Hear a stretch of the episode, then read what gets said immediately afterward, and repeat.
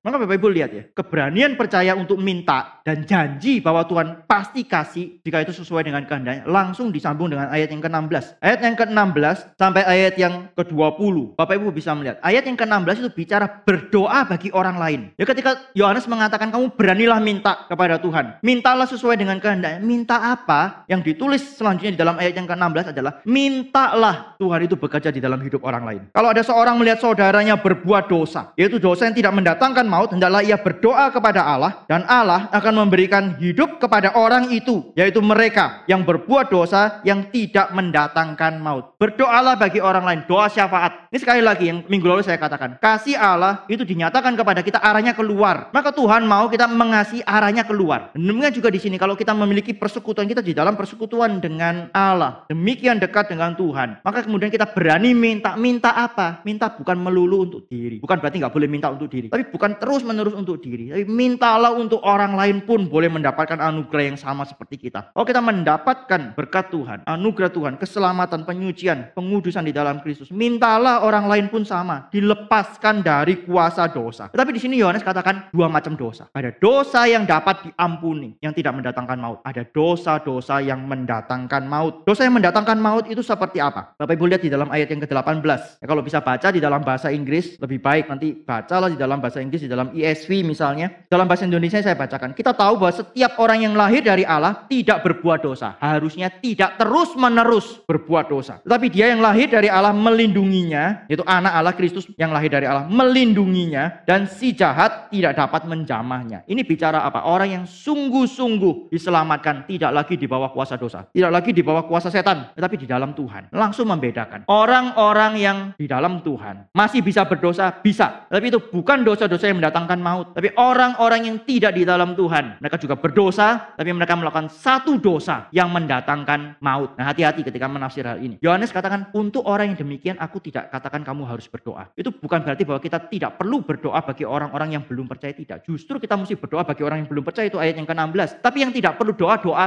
buat siapa? Nggak usah doa buat siapa. Tidak usah berdoa terus untuk orang yang sekalipun sudah mendengarkan Injil, sudah tahu kebenaran, tapi terus hidup di dalam dosa. Gak usah berdoa bagi mereka. Kamu tidak harus terus-menerus berdoa bagi mereka. Paulus mengatakan hal yang mungkin lebih kejam lagi. Aku menyerahkan mereka kepada iblis. Orang-orang yang terus menghujat Allah. Orang Kristen, mengaku Kristen, mengaku percaya kepada Kristus, tapi terus hidup di dalam dosa. Paulus katakan, aku serahkan mereka kepada iblis. Itu bicara apa? Kalau orang itu benar, sudah diselamatkan. Biar dia cepat mati, jiwanya diselamatkan. Tapi kalau dia bukan orang yang diselamatkan, memang dia di bawah kuasa iblis iblis dan nanti akan dihukum bersama-sama dengan iblis. Bapak Ibu, ayat 18 itu bicara satu dosa. Terus menerus berbuat dosa. Tidak mau berhenti berdosa. Sekalipun sudah mendengarkan kebenaran. Ini satu tanda orang itu diikat oleh kuasa dosa. Maka orang ini diikat oleh kuasa dosa. Diikat kuasa dosa dua macam ya. Diikat kuasa dosa tapi dia belum tahu kebenaran ini orang harus diinjili. Harus terus didoakan. Tapi orang yang sudah terus diinjili. Sudah terus didoakan. Dia sudah tahu bahkan. Dan kemudian dia katakan aku tidak mau kebenaran itu. Itu adalah orang yang Yohanes katakan nggak perlu, nggak harus terus menerus didoakan. Dia sudah tahu kok, nggak terus menerus harus diinjili karena dia juga sudah tahu. Ya Bapak Ibu ini hati-hati. Ini adalah orang yang sengaja menolak. Di dalam ayat 10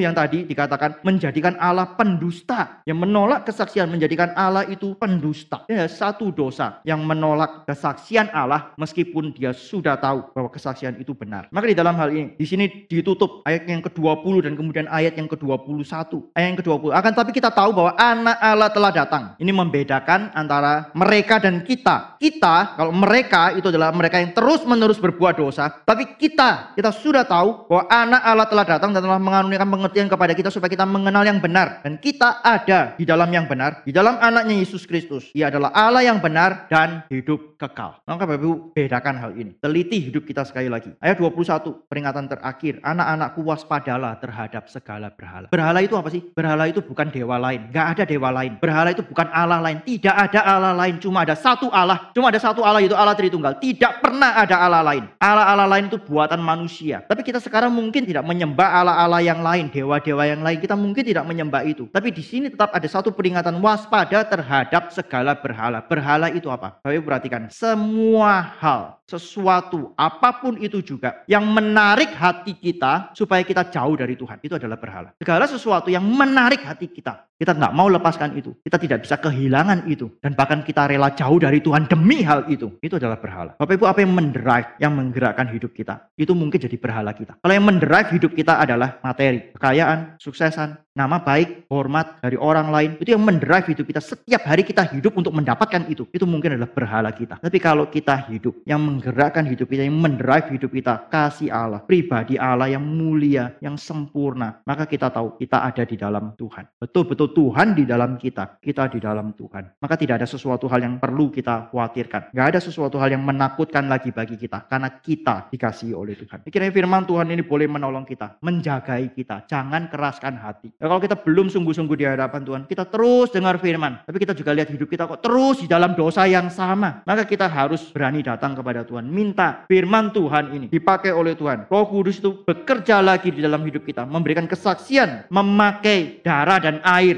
yang dibawa oleh Kristus itu. Penebusan Kristus itu berlaku bagi kita juga. Bukan cuma menjadi satu pengetahuan. Bertahun-tahun kita tahu. Bertahun-tahun kita dengar. Tapi kita minta Tuhan juga mengaplikasikan keselamatan itu bagi kita. Dan minta Tuhan pakai kita juga memberitakan Injil kepada orang lain. Karena semua orang perlu ini. Semua orang harus dengar ini. Dan semua orang itu harus berespon terhadap kebenaran Tuhan.